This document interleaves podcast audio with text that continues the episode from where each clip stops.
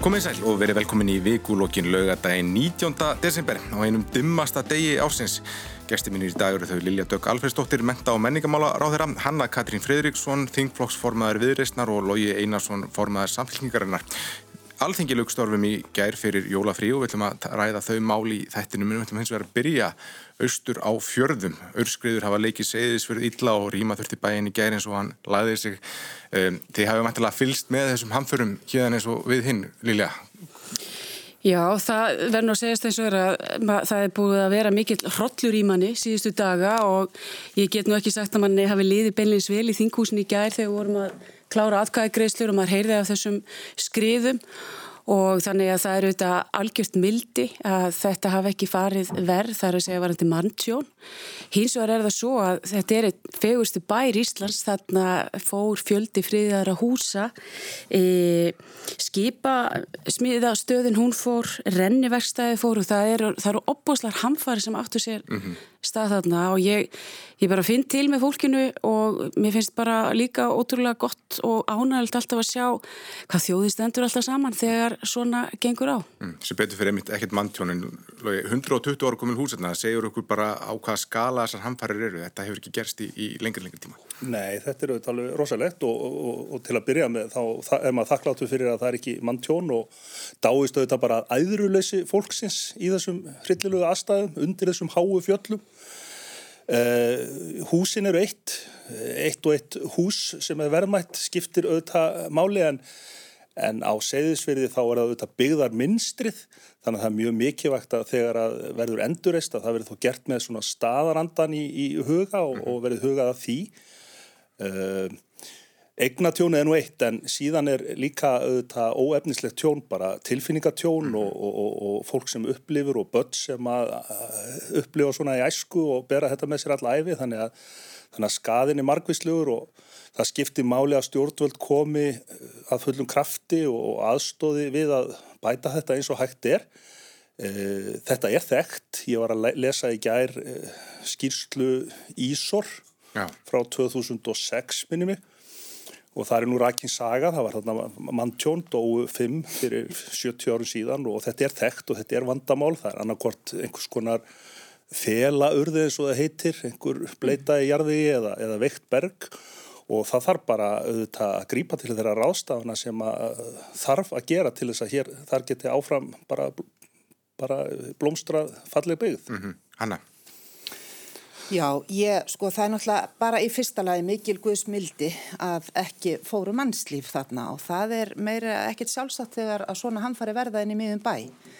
Eh, og ég tek undir með Lilju, það var ekkert auðvelt að sitja í þinginni gær við ágreðslu mála á loka sprettinum og fylgjast með þessu. En þó það að við vorum jú að klára fjárlög og það var strax rókið til til þess að aðtúkvort alþingi ætti þarna þyrti að veita ríkistjóninni sérstakka fjár heimilt mm -hmm. til þess að bregðast við og, og það komi ljósa hamfara sjóðu stendu þannig að það, það þurfti ekki til en, en þetta síndi bara, við, það verður bröðust við, ég, ég veit það að alþingi mun gera það eins og þarf en svo er náttúrulega bara þetta áfall þegar heimili fólks verður undir og við þekkjum þetta því miður bara frá því fyrir nokkru mánuðum að þegar fólk býri og telur sig vera örugt inn á heimili sínu í bænum sínum og, og svo ríða svona hamfærir yfir. Ég, við þurfum bara öll að standa saman og veita íbúum þá aðstóð sem þarf bæði tilfinningarlega og svo að byggja aftur upp þennan fallega bæ mm -hmm. sem segðisfjörður er. Fréttastofa Rúvera sjálfsögða á vettvangi og mun flytja tíðindi af staðunum í, í dag og næstu daga. En við skulum fara yfir í stjórnmálinn. Þingi og frestaði gerð fram með jól og það má segja að sé komin hálfleikur á þessum kostningavetri og ekki örgrandum að það sé farið að hitna í kolonum. Það er hart tekist á um frumvart Guðmundar Inga Guðbrandssonar umhverjus áður að um hálendistjóðgarð ekki síst innan stjórnarflokkana hluti þingflokks sjálfstæðarflokksins hann er bara beinleins mótfallin frumvarpinu og það eru líka efasamdarættur innan framsvonarflokksins og í baklandi hans og bændum Lilja, stiðið þú frumvarp Guðmundur Inga? Við höfum sett upp ákveðin skilirði mm. sem umhverfisráð þeirra voru kynnt framsóknarflokkurinn er mikill umhverfisinna flokkur og hugsa um náttúruna og, og rætur hans líka auðvitað þar. Þess að við höfum kannski helst við málið að aðtuga það er að það þarf að vera alveg tryggt svona sjálfsákurna réttur þeirra sem eru þannig í nánasta umhverfi. Mm. Hins vegar vil ég segja það að frumvarpið er vel unnið og umhverfisráð þeirra, hann er vakin og sofin yfir því að reyna hann á sátt í þessu máli og ég þekki hann af engunum að afskaplega vöndum vinnubröðum og hann hefur svona sett allt sitt í þetta. Við upplýstum hann um það fyrirfram hvað þyrsti að ganga upp svo að það myndi nást sátt mm. vegna þess að svona þjóðgarður eru þetta algjör, ég myndi segja, svona þjóðargersemi og ég, maður þekkir þess að þjóðgarða mjög vel til að mynda frá bandaríkjónum og hvernig þeir gera þetta þar, tvinn þetta einhvern veginn svo skemmtilega saman.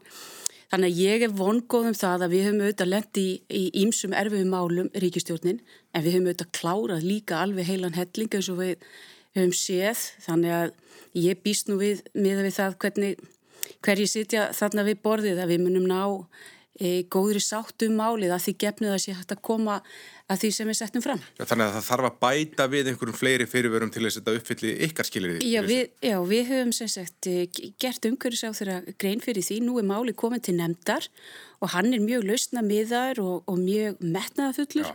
Þannig að ég er bara hún eins og oftast mjög björnsinn. En, en, hva, en hvað þarf til þess að þetta gangi, gangi? Hva, hva, það, það, sko... það þarf að ná meiri sátt við, við heimafólk Já. og það, til þess að hlutinu séu sjálfbærir að mínu mati, bæði varðandi til að mynda sveitastjórnir, þjóðríki, þá finnst mér mjög mikilvægt að ákara takan sé alltaf næst fólkinu sjálfu, mm -hmm. vegna þess að þá er egnarhald á því sem er að gerast og það er bara svolítið svo hugmyndafræði sem ræður ríkjum hjá okkur og ég, ég hef sömu nálgun varðandi e, stjórn fiskveiða við eigum að hafa þetta hjá okkur hérna þjóðin. Ég hef sömu skoðun á til að mynda að ég hef ekki verið linda Európusambanduna því til að þessi of langt frá mm. e, hérna, þeim sem búa hér. Já, en, en nú er til dæmis aðkoma sveitafélagina í nákvæmlega, hún hún er tryggð í, í stjórn, er það ekki nóg? Þarf að, þarf að skerpa betur á, á Já, við, við teljum að þurfa að skerpa betur, betur á þessu og það þurfa að ná þessari sátt. Og ég held að, að það séu vísbendingar uppi um að svo sé og svo höfum við auðvitað verið að stíga núna mjög stór skref til þess að e, leggja meira mörgum varðan til loslasmálin og loslasmálin eru mál-málana núna á næstu missurum mm. og þannig að þjóðgarður, uh, umhverfismálin, lofslagsmál, náttúran, allt myndar þetta eina heilt. Mm. Uh, Lógi, það geti farið svo að, að umhverfisáður að þurfa að reyða sig á stuðning stjórnarnarstöðunar í þessu máli. Á hann, þann stuðning vísan hjá samfélgjumunni? Sko fyrst vil ég nú segja að ég held að við 350.000 manna þjóð þurfum nú ekki á enn einu málun að halda þar sem að er verið að reyna að stilla þessu upp eins og, eins og heima menn séu eitt og, og, og aðrir Íslendingar annað. Þetta eru hagsmunum á allra Íslendinga. Það er auðvitað alveg rétt að það þarf einhvern veginn að tryggja miklu meiri sátt í málinu eh, milli ríkisvaldsins og sveitafélaga notenda, ferðamanna, atvinnu, fyrirtækja og ímis annað. Eh, Samfylkingin, já, hún hefur auðvitað stutt hugmyndin um þetta og samfylkingin fyrst flokka lagði fram mál um þetta 2016. Þannig að við erum jákvæð út í málið þó við viljum auðvitað bara að það sé vandað. Og þegar það er sagt verði nú að segja það að, að, að það var nú ansið daburlegt að, að svona þraud reyndur þingmaður eins og fórseti alþingis búin að sitja 38 ára þingi Eh, þyrti nú að koma svona klauvalega orði og, og ífa allt upp og, og gera allt snar brjálað í samfélaginu. Sko, þetta er bara mál sem varðar okkur öll, alla Íslandíka, hvar sem er búa landinu og við hefum mjög mikið undir að umræðan sé hófstilt og góð, upplýsandi og þannig held ég á endanum að við munum ná sátt. Ertu sáttu við frumvarpið eins og það er núna? Það finnst þér eins og Lilja að það þurfi að skerpa betur á aðkomu heimamanna? Mér finnst mjög margt gott í frumvarpinu og ég held svona flestum skilurum sé mætt en þó er það þannig að ef að það er stór hluti þjóðarinnar sem er ósáttur mm. þá leiðir það bara sjálfu sér að það þarf að ræða máli til bots. Mm. Hanna, hvernig líst ykkur í viðreysn á þetta frá? Já, sko kannski þetta að, að, að sín okkar hefur alltaf tíð verið svo að það sem skiptir raunverulegu máli hér er hálendið okkar, vernd þess og það að svo vend farið saman við aðgengi okkar að hálendinu. Mm.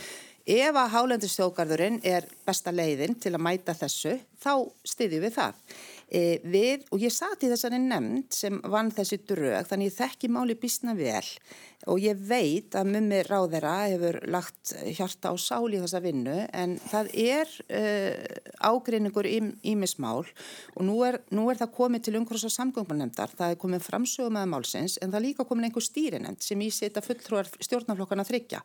Þannig að þetta mál er bara ekkit fullbúið og við hinn sitjum bara og horfum á. Og ég er, sko, bara svo ég segi svo er, ég var alltaf tilbúin að fara í þriðja umgangi að setja mig og, og við yfirreysn inn í þetta mál þegar við veitum að þetta er ekki svona sem að stjórnarflokkarnir ætla að leggja þetta fram, það verði einhverja breytingar.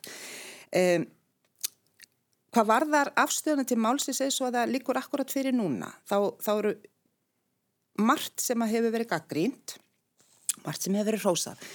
En það er náttúrulega stormir í vasklasi varðandi mjög mörg mál mm. og síðan er verið að mæta gaggrínsröttu með því að einhvern veginn að girða fyrir hér og þar.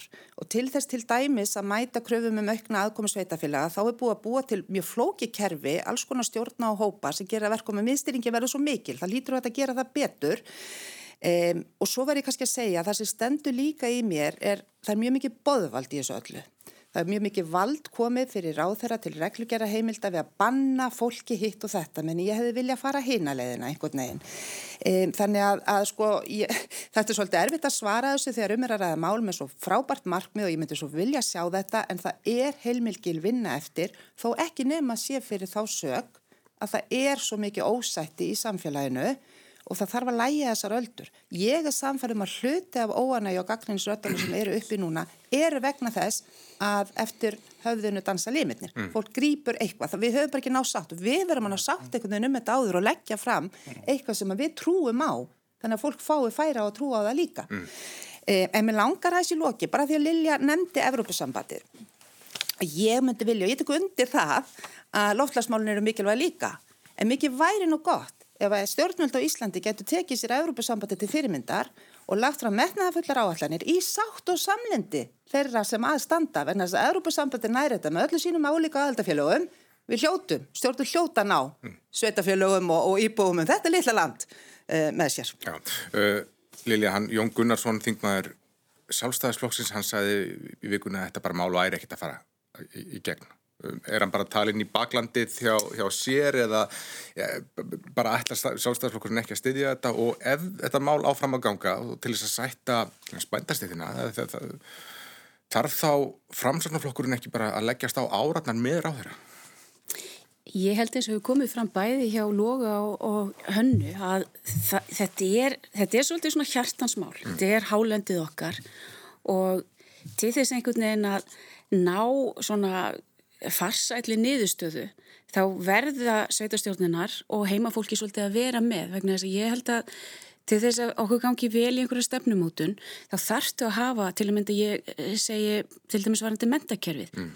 ég fer ekki í breytinga nema ég ráðfæra mig mjög mikið við kennar og skólastjórnendur mm. og ég er búin að gera það í COVID-unu upp á hverja einustu viku vegna þess að þetta er svo opbóslega viðkvæmt það sama áauðvitað við um þennan málaflokk en maður hefur ekki baklandi með sér í sínu málaflokki auðvitað getur ekki alltaf tryggt að stundum hefur áþrann einhverja aðra skoðun en þá, þá er þá verður þetta bara, þá verður þetta miklu erfiðar og svo kom upp einhverjar einhverjar svona uppakomur mm -hmm. og tala um Jón Gunnarsson mm -hmm. það er kosið 25. september þannig að ég hérna, horfið auðvitað mikið af því sem er að gerast auðvitað þessa dagana og fólk eru auðvitað að tryggja sitt bakland og mhm. skiljanlega, við erum í stjórnmálum og það er gaman að veri í stjórnmálum og það er mjög áhugaverð þetta er fyrsti vetun sem ég sitt á þingi það sem er, það sem er kostningavetur þú, þú ætla þá alla aftur með honum eftir 25. september ef hann ætlar að halda þessari skoðan fram.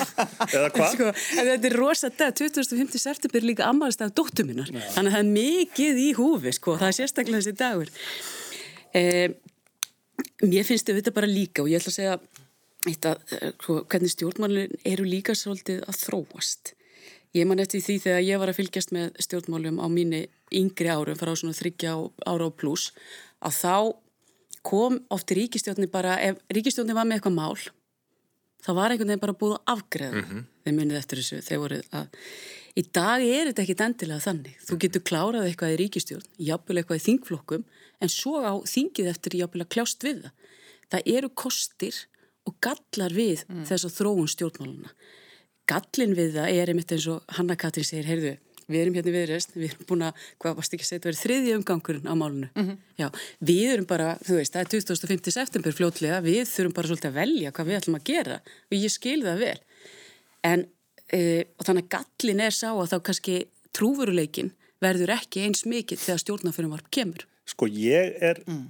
Uh, skil að einhverju leiti hvað átt við. Sko. En mér lókar svo komi, má ég koma kostin líka Já. hérna við þetta en á móti kemur og svo hérna er að það verður þetta mjög mikil umræða. Ég meina, mm. fólk er að tala um þetta og málin eru oft fá, ég meina, mikið af því sem kemur úr þingnefndu með mín mál, það eru bara oft frábæra viðbætur, eitthvað sem við sáum bara ekki neitt.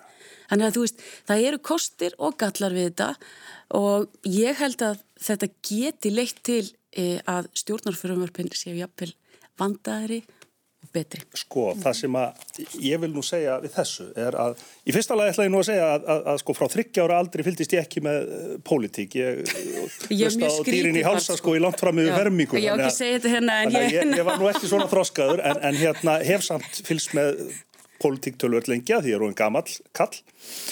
Eh, og ég hef ekkert endilega tilfinningu fyrir því að þingræðið sé sterkara núna heldur en það var það sem að hins vegar er dáltið óvænt núna síðustu þrjú árin er að málinn fá oft e, mikla umræðu og það eru átök um þau inn í þingsal eftir að þau koma út úr stjórnaflokkonum vegna þess að stjórnar, ríkistjórnin eru ofta að afgreða málinn í ágreiningi út til þingsins og láta málinn þannig í hendunar á okkur.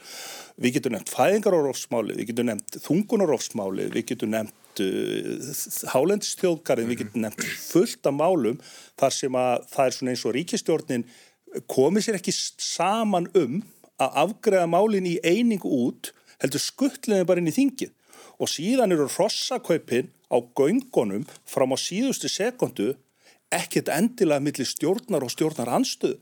Þetta er miklu meira millir einstakra stjórnarflokka. Mm. Síðast gerðist það í gerðkvöldi. Þannig að, þannig að ég held nú að, að, að hérna, ástandi í dag sko, uh, beri nú ekki sko, uh, svona vittni öflugra öflugra, öflugra þingi sko í þeim skilningi að ríkistjórnin hafi uppfyllt þau markmið sem hún sett í stjórnarsáttmáluna ebla virðingu og völd þingsins. Mm. Það held ég ekki. Hanna. En að því að... Nei, allt í lagi. Nei, sko, svo sem ekkit miklu að bæta, þetta er mjög áhugaverð umræða hins vegar og, og ég held að við þurfum doldið að taka hana.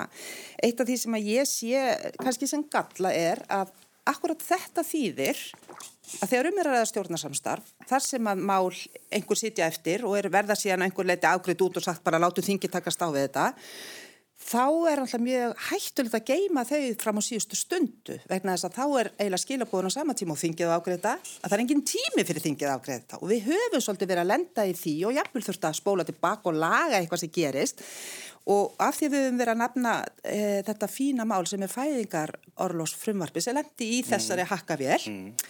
þá var mjög aðdeglisverð, þetta er frumvarp, þannig að það fyrir genið þrjárumræður og svo mm. atkvæðaskýningar. -hmm. Og ég held sveimið þá að mesta efnislega umræðinu máli hafi verið í atkvæðaskýningunum í gerðkvöldi. Í blálókin. Já, og það er náttúrulega ekki réttur gangur á málinu þó svo umræðan hafi verið fín. Hún hefði þurft að eiga sér stað miklu fyrr og fólk hefði bara þurft að koma út úr skápnum með sína raunverulega afstöðu miklu fyrr. Mm. En þegar málið er rætt fyrr þá er ennþá einhverjar samningaverðar undir borðið í gangi og það er enda eða enda ekki einhvern veginn.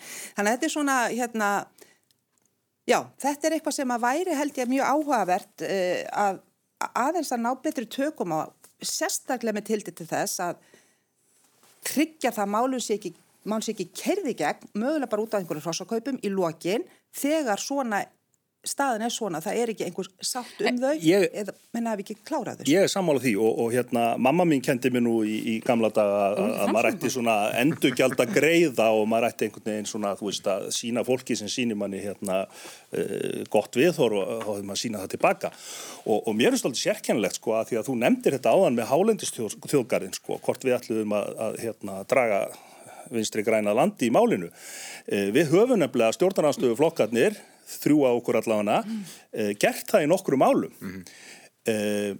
Mér finnst endurgjaldið talsveit lítið vegna þess að það er eins og þessi bara kategórist ákveð að hafna öllum okkar breytingatilum jafnvel þó að, að, að flokkarnir sem standa að hluta til að ríkstjórnarsamstarfinu sé búin að berjast fyrir málunum í ár Já. og ára, skip, ára skiptir. Vi, við vorum nú ákveðað það í gerð og ég tilkynnti það varandi tíðavörur Já, já þið gáttu ekki samþygt til úr stjórnarnarstöðu Ég skal segja af hverju það var vegna þess að þetta átt að vera inni hjá metta og menningamálaráðunitun og þetta tengi skólunum en ekki eins heilbríðiskjánu þess að tóku hann og svona og ég var í fulli samráði við viðkomandi þingmann, bara svo ég segi það vegna þess að mér fannst þetta, svo ég segi það mér fannst þetta bara vera bæði réttlátt og sangjast, mér er alltaf fundist það Já, ég segi sko út af þessu á að afnema bleikaskattin svo nefnda Já, það er semst bara semst, aðgengi að tíðavörum mm -hmm. á, í, semst, í skólakjærfinu, það verður tryggt. Ja. Það er þegar tryggt í mörgum framháskólum en nú ætlum við bara að sjá til þess að það verður tryggt allstaðar, bara eins og annað sem... sem Svo klósupapir? Akkurat. Mér finnst þetta gott hjá þér, mm -hmm. en mér hefði fundist að þetta hefði einmitt gjartan mótt koma fram í atkvæðaskýringu. Mm -hmm. Að vegna þess að það hefði komið príðilegt mál fram frá hátfyrtum þingmanni Andris Inga Jónssoni, mm. þá hef ég ákveðið að taka máli. En, en, en, en við vorum í, í, í hérna, við tölum saman, svo ég segi, ég segi, svo ég segi það alveg, en má ég aðeins koma inn á eitt sem er, sem ég fannst hérna, eh, sem er bísna áhugavert og ég ætla bara óskokku til hamingi með fæðingorlás frumvarpið og það var löngu tímabært bæði að lengja það og það er mm. bara svona, þessi framfara skref sem eru tekin og ítrekka það og mér fannst svona áhugaverðar umræðanar í þinginu í gær er að vegna þeirra skrefa sem við hefum tekið á síðustu 30 árum og þá er það fæðingarólofið, það er þessi jafni réttur til þess að taka fæðingarólofið og svo uppbygging leikskóla styggsins, ég vil meina að þetta þrent skýri það að staða hvenna sé svona góð á Íslandi þó getur þetta alltaf verið betri mm -hmm. og bara jafnbretti og, og allt sem tengist því að þá er búið að gera sko hagfræðilega greiningu á því á Norðurlöndunum og með efnaðs- og framfærastofnun að vegna þessara miklu atvinnu þáttöku hvenna þá er landsfremleysla meiri og hávöxtur meiri. Mm -hmm. Þannig að mér finnst þetta líka, þetta er ekki bara spurningum um, um, um semst, jafnbreytti batsins að því að kynast báðum fóreldrum, heldur þá er þetta mjög stórt efnaðslegt mál. Mm -hmm. Mér finnst það stundum þegar fólk er að tala með um þetta eins og þetta sé eitthvað svona, eh, hérna þetta er til dæmis eitt af stóru málunum í japanskum stjórnmálum mm. vegna þess að fæðingatíðinni uh, hún er svo, hún hefur fallið svo gríðarlega og það er meðal annars út af því, út af jafnbreytismál mm. Uh, þetta er mál sem mættu auðvitað að ræða áfram sérstaklega þessi, já, þessi slaki sem var gefin í, í, í skiptingu á, á uh, fæðingarólofunu en mér langar að skipta aðeins yfir aðra sálma og það er að fara í bóluefnið um, Það voru svolítið misvísandi fréttir í vikunni um aðfendingu á bóluefni frá Pfizer. Fyrst komum fréttir um að það hefði hlaupið snurða á þráðinn og aðfendingu myndi tefjast. Það var ekki fyrir en kannski sent á næsta ári sem ætti búast við að það myndi myndast hjarð ónami. En svo steg Sandi Svagastóttir fram í gæri og hún saði að vonir standi til að veri hægt að bólustja þorra fólksum mitt næsta ár það er bara með að við bólöfni þá frá, frá Pfizer. Það veldur allt á þessum að sá það bara á vendingum fyrirtækja á markaða yfirgunni og bara auðvitað almennings. Um, eru þið bjart sína að það náist um mitt næsta ár að, að hér verði ja, hlutinni komnir í samtlag? Ég, þetta veldur allt á bólusetningun og hjarðvonaminu. Ég menna ég held ég að nú verið eina af þeim fáu sem sagði það í upphafi faraldursins mm -hmm. að þetta væri nátteitt. Fegst bátt fyrir? Já, ég fekk hérna talsverða hérna gaggríni að það sagt að þetta væri mjög óábyrgt að mér að segja þetta en ég held að uh, reynslan síni það að sagt, veiran hún, hún flist uh, á milli fólks mm -hmm og þess vegna eina leiðin til einhvern veginn að rjúfa það samband er að það verði ekki að það myndist eitthvað ónæmi. Og þess vegna er bólu efnið líkillan af því að allt annað gangi upp hjá okkur. Því fyrr sem við náum þessu hjarðónæmi því fyrr fer hagkerfið okkar á stað. Þannig að þetta er mjög mikilvægt. Já ég er mjög bjarsinn, helbriðsóþara fór mjög gumgjafilega yfir áallun ríkistjórnarinnar í þessu málum. Og við leggjum allt kapp á að þetta takist við erum ekki, við erum tiltölulega, við erum ekki mjög fjölmenn þjóð þannig að, og það er búið að gera samninga og þetta er forgangsmál nummer 1, 2 og 3 að gera þetta. Lói? Jú, ég held að í þeirri stöðu sem að heimsbyðin er, þá hafa hún ekkit annað val heldur en að vera bara bjart sín en þó raunsæ og það eru þetta óheppilegt hvað upplýsingar hafa verið á reiki og það verður einhvern veginn í þessu eins og öðru að reyna að teikna upp atbyrðar ásina eins trúverðu að hún getur mögulega orðið mm. og það er til dæmis ekki nóg að bólusetja fólk heldur tekur kannski þrjár vikur að, að, að, hérna, að hafa áhrif mm -hmm. bólusetningin þannig að þú veist að það er ágætt fyrir fólk að vita svona einhvers konar tímalínu í málunu ég vil þú nefna það því að Európsambandi var nú nefnt hérna á þann það eru þetta óskaplega þægilegt að vita af þessum stóra samningsaðila og vini okkar í Európu sem að einhvern veginn uh, útvegar okkur samninga og gerur okkur kleft að fá bólefni svona hratt uh, þó að við gerum það í gegnum þriðja ríki en hérna ég hef auðvitað samt samúð með uh, heilbriðisráður að þýleiti til að hlutir geta breyst mm -hmm. og þetta er auðvitað uh, svona bara öll þessi atbyrðar á síðasta árs hún er þannig að hún býður kannski ekkit endilega upp á mikinn fyrirsjónuleika mm -hmm. en ég held að sé afskaplega vafasamt samt að, að gefa fólki væntingar um að eitthvað gerist fyrr heldur en að það er yfirhauðu mögulegt ja. Heldur það að það sé að gerast núna? Er... Nei, ég held svona að fólk sé aðeins átt að sé á því að þetta kannski er í fyrsta lægi að gerast með vorinu og inn í mitt sumarið. Ætla að verði ekki bara 2015. september sem að myndast hjarðornami. en, en, en, en ég held svona að þú veist að fyrir mánuði síðan þá hafi fólk haldið að, að kannski um áramótin eh, væri þetta bara allt orðið alltaf fínt sko. Já, það var svona, já bara að talað upp úr áramótum, það var með nú svona bara gangum strætti grímulösi svo fyrir maður. Það, það held ég hafi verið óábyrgt. Já, Hanna.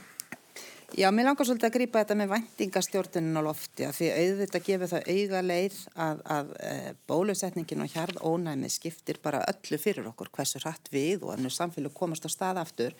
En það er þetta með að stjórna vendingum vegna þess að það annars vegar hefur það auðvitað áhrif á hvernig lagt þeirra upp með allar viðspurnu aðgerðir, ég meina það gefur bara auðvitað leið að það skiptir máli til hvers langs tíma þú ert að horfa.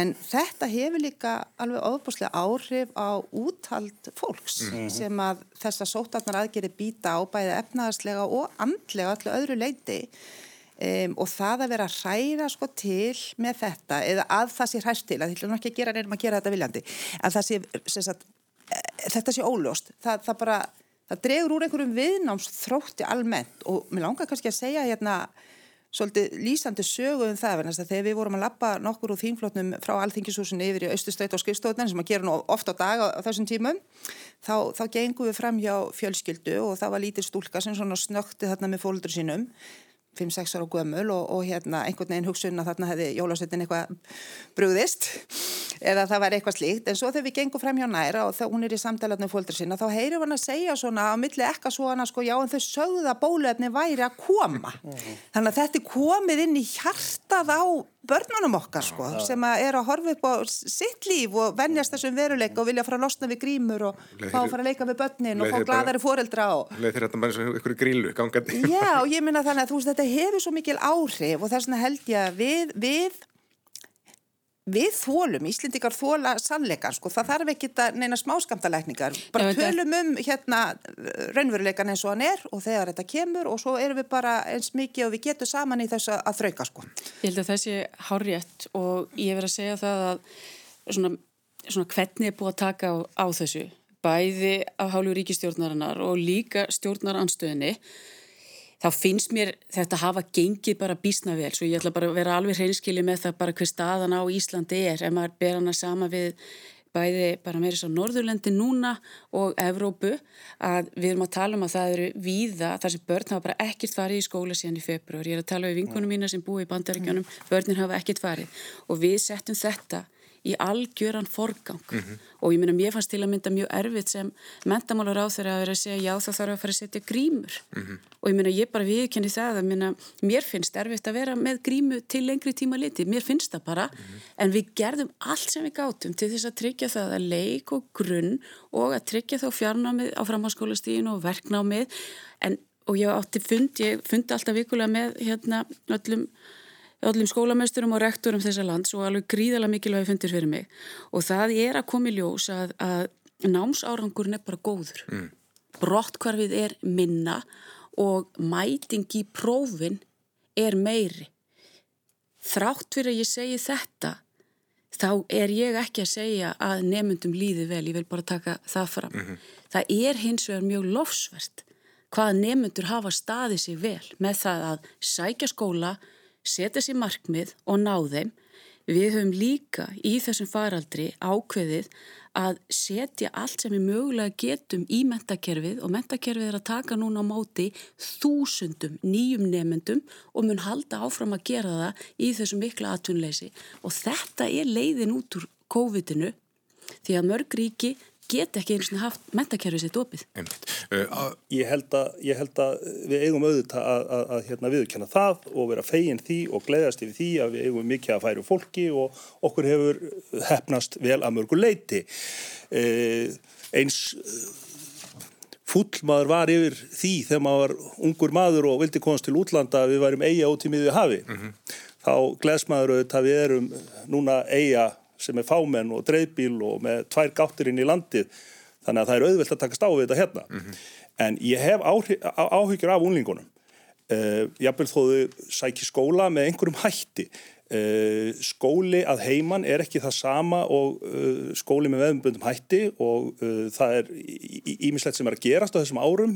Félagsbótum, félagsþroski sem að hérna hérna getur hérna svona skattast á þessu og ég held að við verðum að verja nægum fjármagni í þetta á næstunni vegna sem við meðum ekki gleðjast og hratt. Við þekkjum það eftir kreppur að uh, fyrstu viðbröð eru oft jákvæð. Mm -hmm. Fólk þjappar sér saman, uh, fólk tekur á öllu sínu síðan eru það langtíma áhrifin og gleimuði ekki að tvítugir krakkar í dag eru búin að gangi gegnum tvær skelvilegar kreppur mm -hmm. og það þyrti nú bara að, að, að verja svolítið peningum upp í háskóla til þess að, til þess að rannsaka hvað, hvaða aflengar þetta mun hafa til lengri tíma. Mm. Ég er ekki verið að því. Ég vona það. Ég, ég ætla aðeins að fá að hérna, koma hérna inn. Ég er nefnilega tek undir með það að það er full ástæði fyrir okkur núna bæði til þess að hafa áhyggjur af þessu unga fólki og stöðunni og mæta því vegna þess að og ég segi þetta með fullri virðingu og, og, og áhugjum af alls konar öðrum afleggingum þessari stöðu þarna liggja langtíma áhrifin -hmm. á þessu unga fólki.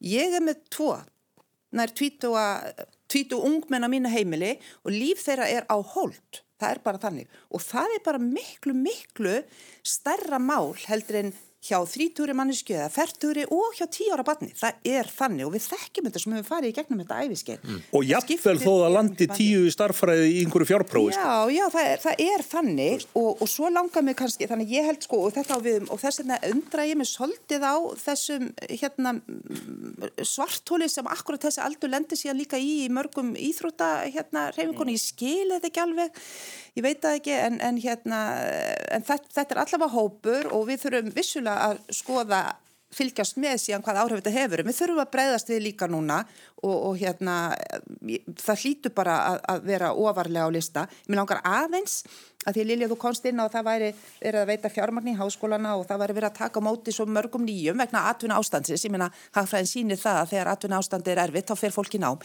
En mér finnst líka að við þurfum að leggja þar áherslu á að viðkjöna þá staðreind að háskólanir eru að taka móti fjöldafólks út af þessu í háskólanum sem ætlaði ekki endali í háskólanum. Það er að segja það horfir á frambóð háskólan einhvern veginn og segir nei ég ætla að fara að vinna frekar því mm. það er ekki þarna sem ég ætla í eða ég ætla ekki að, ætla ekki að hérna, festa mér í, í þryggjára eða fimm ára háskólan með hvað það er þannig að á sama tíma þetta fjármann kemur inn í háskóluna þá finnst mér mjög mikilvægt að háskólinni fái færa að nýta það eins og þeir telja best til að mæta þessum óvænta hópi nefnda mm. sem er að koma inn hvort það eru stittri námsbröytir einhver, einhver aukin fjölbreytilegi að því greiðslumótili sem er núna það, það er svolítið hefbundu sko. mm. þannig að mér finnst mikilvægt að háskólanir fáir þarna tækifæri til þess að mæta þessu á sínum fórsendum að því þeir þekkja þetta mm. vel.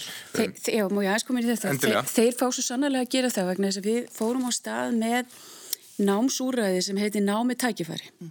og ná, það sem það gengur út á er einmitt að mæta þeir, þeim áhuga og þeirri þörf sem er til að mynda og eftirspurna eftir starfsnámi, mm. eftir tækninámi og eftir yðnámi og sagt, við vorum í raun og veru tilbúin með þessa svona e, mentapolítísku áallun, ég veit ekki hvað ég á að kalla þetta, e, en þessa auknu áherslu á yðnám vegna þess að eitt af því sem ég geri á mínu fyrstu dögum er að ég óskaði eftir því að efnás- og framfarastofnum myndi skoða í raun og veru hvar er svona misræmi á milli frambós og eftirspurnar á vinnumarkanum og það kemur í ljós að það, það vantar mjög mikið af fólki með starfsnám, með verknám, með tækninám.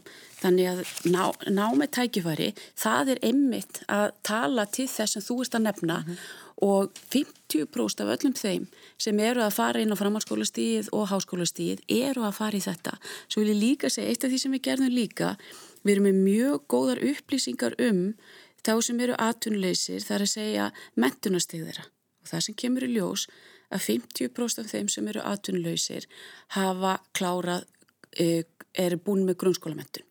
Þannig að það eru mjög mikil færi og við erum að vinna markvist með þessum hóp til þess að bæta við mentun og þetta skýrir auðvitað þetta mikla brott hvað sem hefur í mentakerfunu og við fórum í þetta bara strax á fyrstu dögunum.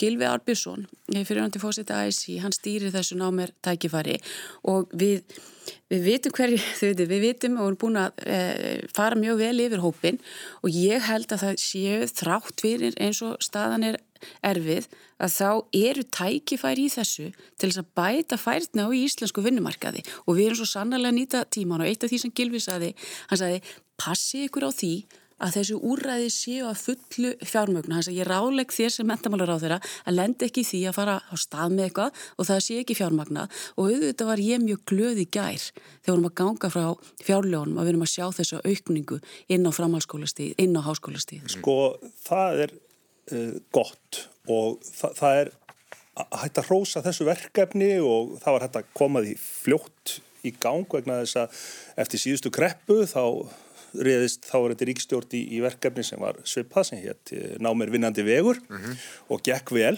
og við eigum að læra á reynslunni e, Lilja tala hérna um að, að, að hérna, þessi háa prósenta sé semst bara með grunnskólapróf og þar þá í framhaldsskóla og svo háskóla það nægir nefnilega ekki eins og Hanna Katrín bendi réttilega á að ráðast bara í eitthvað algjörlega vanhugsa. Það þarf að hafa úthald í verkefni mm -hmm. og þess vegna er það auðvitað alltaf sláandi að það skuli vera 7% raunlækun til framhaldsskólana á næstu fimm árum. Vegna þess að þó að það sé að koma alltaf mikið að peningum inn núna, mm -hmm. Bæði út af COVID og svo er þetta kostningafjörlög, að þá er dreyið allt til skarpt saman og það er 43 miljardar króna aðhalskrafa gerð milli árana 23 og 25 mm. Og framhaldsskólanir eru ekki hérna lausir við hana. Nei. Þannig að við þurfum að hafa úthald ef við ætlum ekki bara að nota þetta sem geimslu fyrir fólkið á meðan það kemst ekki vinnu. Ég verði eiginlega að skipta yfir í næsta mál og, og kannski byrjuði að segja áhörðu sem voru kannski komað viðtækjónum að þeir eru að hlusta vikulógin og gæsti mínir eru Hanna Katrín Fredriksson, Lógi Einarsson og Lilja Alfredsdóttir. Lógi, þið í samfélkingunni, þið eru á fullu að undirbúa kostningabartuna. Já. Og það er hvað, frambóðskönnun er þetta kallað hjá samfélkingunni Reykjavík. Já. og já, það er eins konar könnun sem síðan Uh, uppstillinganemnd hefur til hliðsjónar þegar hún stillir upp á, á lista. Uh, forvitnileg leið sem eru að fara þarna en maður verður varfið það að flesti spyrja, að margir spyrja sig af hverju, hva, hvað líkur svona á? Af hverju eh, að vera að gera þetta núna örfándugum fyrir jól, hvað sem ekki býða fram í janúar Já, það er ekki verið að gera þetta um all land. Við ákvaðum að byrja henni hérna í Reykjavík. Mm. uh, við hóum okkar kostningabort í höst við lögðum fram svona heilstætt efnaðasplan sem við munum prjóna utan og að bæta sem við köllum ábyrgarleiðin sem var okkar leið út úr þessari kreppu. Uh, við teljum að uh, þessi tími núna hafi einhvern veginn leitt það í ljós að það er nöðsynlegt að, að, að taka grundvallar umræðu um stjórnmál. Mm. Það er nöðsynlegt að uh, átta sig á því að E, á þessum miklu áskorunatímum sem við lifum núna með nattrætni hlínun, með fátækt og, og, og með öllu þessu tæknibildingunni til dæmis, að þá þurfum við stjórnvöld sem hafi skýra stín og skýra stefnu og það bara mótel virki ekki sem að byggir á því að uh, raða saman eins ólíkum flokkum og mögulega getur í ríkistjórn. E, þannig að við eh, töldum að næsta skrefið væri að kanna áhuga á frambóði fyrir samfélkinguna. Við erum mynduð til þess að vera breyðfylking um uh, jafnaðastefnuna. Mm -hmm. uh, við náttúrulega fengum á okkur haugasjó ef ekki brotsjó fyrir nokkur um árum og höfum ekki náða að fylla almennilega út í föttun okkar. Þannig að við viljum breyka sem flokkur og við viljum kanna hvort það væri áhugi hjá ólíku fólki sem aðhyllist jafnaðastefnuna að koma til lissu okkar og, og, og það kemur svo sannarlega ljós. Það eru 49 sem gefa kosta sig, mjög ólíkt fólk mm -hmm. og ég hlakka til að uh, hérna, taka þátt í, í, í frambóði með mjög breyðum og öflugum og ólíkum einstaklingum. Mm, en hefði ekki verið, já bara sem að spyr sem stjórnmála áhuga maður, það jólastress allir að drífa sig, er, er, er fólk bara með hugan við prókjör núna?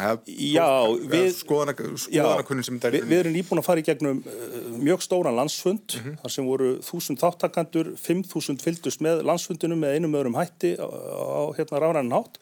Við uh, verðum fyrir miklum, verðum mikinn áhuga og við töldum að þetta væri góð leið vegna þess að með þessu getum við líka uh, nýtt það fólk sem að vel svo listan eftir áramót. Mm til þess að móta með okkur kostningastefnuna. Þannig að það verði ekki eins og þetta hefur alltaf verið að það gengur bara inn í einhverja stefnu sem aðrir eru búin að móta. Mm, Kynniði þá þann lista bara í januar? Februar. Februar, já. Hanna Katrín, þið viðrist, hvernig ætlir þið að farað?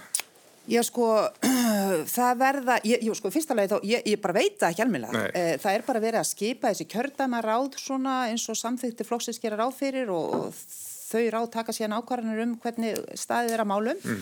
Um, ég skilst að þetta sé náttúrulega markmið að þetta skýrust nú allt svona með vorinu, Já. snemma vantala, en það er kannski eitt sem að ég finn þó sem bara verandi fulltrúi, kjörum fulltrúi viðristnara, að það er gríðalögur áhugi mikil fjöldi af, af, af sterku fólki allstaðar að sem að, sem að er að svona láta vita sér. Og ég held að sé eiginlega tvent, auðvitað, auðvitað tekið það hlut, stórun hluta til sem viðkenningu á, á framgöngu viðristnar uh, á undarfærin ár, ég held líka svo ég sé nú bara heiðalega með það að það endur spekli bara áhuga fólks á uh, stjórnmálum, viðurkenning á því að þetta eru spennandi tímar í stjórnmálum, stjórnmálum, það er, það er mikið í gangi, mörg mm. Viðfónsefni sem að, stjórnmálinn á Íslandi og svo sem í hennum vestran heim og heiminum öllum en þið, við bliðum bara þennan tímum og ég, við, ég finn þá, mér finnst það, ég, finnst það mjög gleðilegt eh, og mér finnst það líka gleðilegt ef að aðrir góðir stjórnmálaflokkar eru að upplifa það sama vegna þess að við þurfum á því að halda að það veljist gott fólk mm. uh, í þessi mál. Lilja, hvernig, hvernig verður þetta hjá framsókn? E, já, ég tek undir með e, hönnu og loga og ég mitt óskæði að loga til hafa mikið með það um daginn hvað þetta er mikið að öflugu fólki og ég segi það er mjög gott fyrir stjórnmálinn og ég segi það sama og hanna að það er mikið öflugu fólki búið að hafa samband við mann í vetur og mm. bara mjög, svona fólk með ólíkan bakgrunn en mjög, með mjög sterkast sín og vil láta gott að sér leið og mér finnst það vera skemmtilegt og að því að logi var aðeins að tala um svona þessi bara hverju grunnurinn í stjórnmálum og hvernig við erum að nálgast þetta og talar um að, að ríkistjórnum það séu þessir ólíku flokkar. Ég held samt sem aður það sýnir sér núna að það er að koma mjög vel út. Við sjáum til að mynda hvernig við erum að nýta fjármálins ofinbera til þess að lifta hagkjörun okkar upp. Ég held að aldrei í Íslandsögunni hafi komið inn jafn mikil innspýting til þess að íta undir enganeisluna, hjálpa heimilónum og fyrirtækjanum. Samneislan, við erum að tala um það að við erum að fara úr 20% reynum skuldum ríkisjós mm upp í 60. Þetta er gríðaleg COVID, sko. þetta, er, þetta er gríðaleg aukning Já. en þetta sýnir það og svo ætlum ég að fara yfir í fjárfestinguna Ríkisjóður hefur líka verið að gefa Já, þú stoppi kannski nei Þetta er bara bísna gott hjá mig sko þannig að ég skil vel að menn séu eitthvað aðeins að stressa sig á þessu En ætlum að stilla upp eða ætlum í forval eða eh, Má ég aðeins alltaf áfram hérna, hérna, það sem ég vildi sagt hafa, já, það er, er mismunandi eftir landslutum. Eh, Suðurland verður með prókjör og norðu östu líka. E, Reykjavíku kjörtamin eru að, kjörtaminsambandi er að taka ákvörðun þessa dagana og það verður kunngert eins og ég best skilða í januar. Mm -hmm. Frambjóðandur eru kannski ekki alveg að bóla og kafi í því nákvæmlega hvernig, hver er aðferðin, ég finnst það bara heldur ekki viðegandi, mm. en það sem ég finnst sko skipta mestu máli, það er þessi áhuga á stjórnmálum og svo held ég líka það sem fólk er að upplifa að því að þetta ár 2020, þetta er í raun og veru kannski árið sem kannski breytti öllu. Mm. Ef við bara lítum á heimsuguna og við lítum á sagt, áhrif tækni breytinga inn í samfélaginu okkar, þau eru rosaleg mm. og ég spáði því að það verði alveg gríðaleg nýsköpun á öllum sviðum atvinnulífsins út af þessu ári vegna þess að við höfum þurft að gera hlutina upp á nýtt. Ég hafði aldrei farið á tímsfund mm. fyrir COVID. Ja. Nú tekum að bara fullt af fundum í gegnum tíms. Ég spái því að alþjóða samvinna eftir að breytast eitthvað. Ég held til að mynda kemur ekki dóvart að við tækjum til dæmis ráþarafundi Norðurlandana annarkvæmt fund sagt, erlendis og, og hinn svona í gegnum tíms mm. og þið getið ímyndað ykkur það er alls konar svona framleiðni aukning sem er að eiga sér stað út af því. En, en þú sjálf, gerir þú ráð fyrir að fara fram í Reykjavík eða allar sækast eftir sætalista einhverju? Já, ég, ég gerir ráð fyrir því já. ja. Ég er hérna, mér finnst, mér finnst uh, stjórnmálinn stór skemmtileg og mér finnst svolítið logi eitthvað vera að gera grína því að ég hef byrjað að fylgjast með þessu því að ég var þryggjára og ég ætla aðeins að segja sko, ég, ég, ég, ég veit að, en ég ætla að segja sko þetta var þannig að upp á stjórnmálamæðurinn minn var Óli Jó og svo gerist það einu svona áramáttasköpunu að það var verið að gera grína á hann og batniði fimm ára og það er hágrátandi. Og fóröldurinn minn sagði hvað er það mjög ósakjast hvernig við verðum að gera grína Óla. Jó þannig að þetta er búið að vera alveg sko, þetta er búið að vera svona stundin svolítið sérstaklega. En kostningabaráttan uh, því í samfélkingunni þegar talaðum að, að ykkur hugnist ekki að mynda stjórn með, með sjálfstæðarflokki uh, en þið í til dæmis samfélkingin og viðreysnu við náðu ágætlega saman á þingi. Gerir þið ráðferir að mynda einhvers konar óformlegt kostningabandala eh, reyna að mynda einhvers konar valkost við ríkistjónina eða eitthvað slíkt? Eh, ég held að það muni skapast kannski meira þá í gegnum sammeili mál vegna þess að, að, að ég ætlast ekki til þess að aðrir flokkar segir hlutina jafnskýrt og ég hef talið rétt að gera það fyrir minn flokk. Mm. Eh, það er alveg rétt að viðreysn og samfélkingin hafa deilt í rauninni áherslum þegar kemur á öllindunum, þegar kemur á gjaldmílunum þegar kemur að alþjóðamálum og ýmsum öðrum réttlætismálum mm -hmm. þannig að það er uh, bara hérna góðu samhljómi þar á milli uh, á, á hina hliðina sittur fulltrúi framsóknflokksinn sem að uh, mér hefur alltaf þótt vænt um sérstaklega þegar hann sýnir sína svona sterku félagslegu taugar sem hann gerir á góðum dögum og hefur gert að undanförnu með fæðingarorlósmálunum til dæmis áherslum og mentamálum og fleiri Þannig að hérna, ég vil fyrst og fremst uh, í þeirri ótrúlega kviku og skrítnu framtíð sem við erum að gangast á mót mynda ríkistjórn sem að hefur mjög skýra sín á hvert á að stefna mm. sem að þarf ekki að byggja á ofmikja málamiðlunum og mér finnst komið bara bísna gott af því að 23-4 plósta flokkur hafi hér allt í heljar greipum og geti stöðu að mála á síðustu stundu æfinlega með frekjukostum. Og ég held að það sé hægt að mynda uh, samstiltari, markvisari, víðsýtni, kjarkari stjórn án hans. Mm, Hanna, hvernig, hvernig leggir þið þetta? Sko, ég ætla aðeins hérna, ég, ég ætla að fá að nota eina setningu til að bregðast til frambóðsræðinu áðan vegna þess að, að það er alveg rétt að þessi ríkistjórn brást við eh, með mikill aukningu ríkisútgelda en svo aukning var ekki hafinn þegar sko, hún hóst ekki tíma COVID. Ríkisjóð var orðin ósjálfbær áður vegna þess að það hefur verið mikið, það hefur vel mikil aukning uh, útgelda ríkisins. Ég veit og er samfarið og við vitum það öll að verkefni næstu ríkistjóðnar verður að sína ábyrði ríkisfjármálum og takast á við þá aukningu sem verið hefur án þess að skaði einfallega lífskeiði okkar hér til uh, lánstíma. En að því sögðu vaðrandi stjórnar samstarf uh, við höfum frá upphafi talað um að við viljum bara líta til málefna mm -hmm. og, og hérna en það, það er alveg ljóst hvar liggur strengur og hvar ekki E, mér þætti mjög áhugavert að við þrjú sætum hér áðan og rættum framtíðina, bara svo dæmis í teki. Það, það, eru, það er fullt af hlutum upp á borðinu sem, a, sem að þarf að taka afstöðu til og þegar flokkar eru margir og viðfarsæknum mörg, þá er óbúslega erfitt að segja fyrirfram, uh, sjá fyrir einhverja útgáðu fyrirfram, einhverja mhm. útkomi. Þannig að þetta kallar bara á, á, á góða viðræður, þetta kallar á forfarsröðun og þetta kallar á fyrst og fremst að maður hafi sameigilega sína á, á framtíðinu og hvað við teljum uh, að þurfa að gera til að ná þanga. Lili, hvað viljið þið, hverju sækist þið eftir? Lang, langar þið að starfa áfram með þessum flokkum, jafnvel þá þannig að þið þurftu kannski að kippa fjórðaflokknum inn eða, eða já, hvernig leggir þið? Ég, ég, ég tek undir með þeim sem hér tala. Þetta snýru þetta fyrst og síðast um málefnin. Mm. Ég meina, staðista málefni núna á næstu mánuðum það verður að skapa atvinnu. Mm. Það eru enn allt og margir atvinnlausir á Íslandi og það er þess vegna sem við erum auðvitað líka búin að vera stór auka ríkisútgjöldin til þess að ná utanum þennan hóp og passa upp á það að samfélagið okkar rinni bara ekki. Og ég meina, Ég lærði nú að bjó í bandaríkjónum og það er ekki hægt að bera þessi samfélag okkar saman, bæði í þegar er svona krísa, hvernig við erum að breyðast hérna við og svo hvernig bandaríkinn eru að gera þetta. Þannig að ég segi stæðsta verkefni framöndan, það er e, atvinnusköpun, það er að ná enn betur utan í samfélagið okkar og auðvitað þessi áhersla á mentun. Ég held að það sem muni svona skilja á milli þeirra sem eiga, sem hafa tækifæri í lífinu, það er í raun og veru hvernig þeim gengur að menta sig. Hvað sem það sé að þau fari í listnám, yðnám, háskólanám, hvað svo sem það er.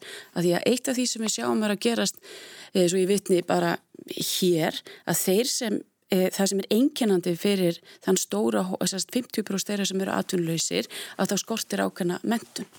Og þarna eigum við og erum að gera með þessum úrræðum, þannig erum við að koma inn í þetta. E, það sama sjáum við til að mynda að vera að gerast í, í, í öðrum ríkjum, að þar sem er mikill órói, það skýrist mjög oft út frá því að viðkomandi aðilar, þeir hafa ekki tækifæri til þess að menta sig. Mm og það er alveg opbúslega mikilvægt að við förum inn í eitt af þeim líkilatriðum sem ég bóða í nýri mentastefnu til ásins 2030 það er að koma og styðja betur við börnin okkar á þessum e, yngstu skólastegum leik og grunnskólin af því að það leggur grunnina öllu öðru brottkvarfið á framhalskólastíinu það skýrist ekki út frá út af hvernig framhalskólanir eru það skýrist miklu frekar út frá því að viðkomandi aðilar hafa fyrir miður ekki þá færni til þess að takast á í framhalskólastíið og þetta er eitt stæðsta málið fram á við og þess vegna höfu við verið að setja og bæta verulega ívarandi mentun að því að tækifærin liggja þar og fjórðarstóðin og útflutningstekunar munu í auknum mæli koma í gegnum hugverka drifið hagkerfi. En þá má ekki gleyma því Lilja sko að, að hérna, efnahagur foreldra heimilisaðstæður og ímislega svoleiðis hefur líka forspárgildi fyrir þá færni sem þú nærið til þess að koma svo að næsta steg þannig að þá er náttúrulega leikil atriðið jöfnudur og að, að gangin í framtíðina og skapa öllum sögulegt tækifæri. Og mér sýnist á umræðinu sko að hann geti nú orðið svona bara faðir næstu ríkstjórnar sko. Mm. þú verður að vera með þann titil sko. Einu svona sprakk ríkstjórni í betni kannski var myndu hérna bara fyrir kostningar Nú hvernig haldi það að verði fyrir mig á næsta ríkistjórnafundin En hérna svona við um örfa á mínundur eftir. Mér langar að þetta er síðasti vikulokk þátturinn á árinu. Og næstilu að þetta byrja á annan í jólum. Um, hvað, það sýrst í álinn 2020, hvað fannst ykkur svona standa upp úr sem var jákvægt? Já, ef ég byrja bara sko, mér finnst gaman að það sannast núna að ég erfileikum sínist sí, bara kemur í ljós úr hverju fólk er gert mm -hmm. og uh, samstaða Íslendinga í gegnum þetta uh, ótrúlegt ótrúlega úrræði heilbreyðis starfsfólks, starfsfólks í skóla og framlýnu fólks hefur svona veitt manni mikla ánægu mm.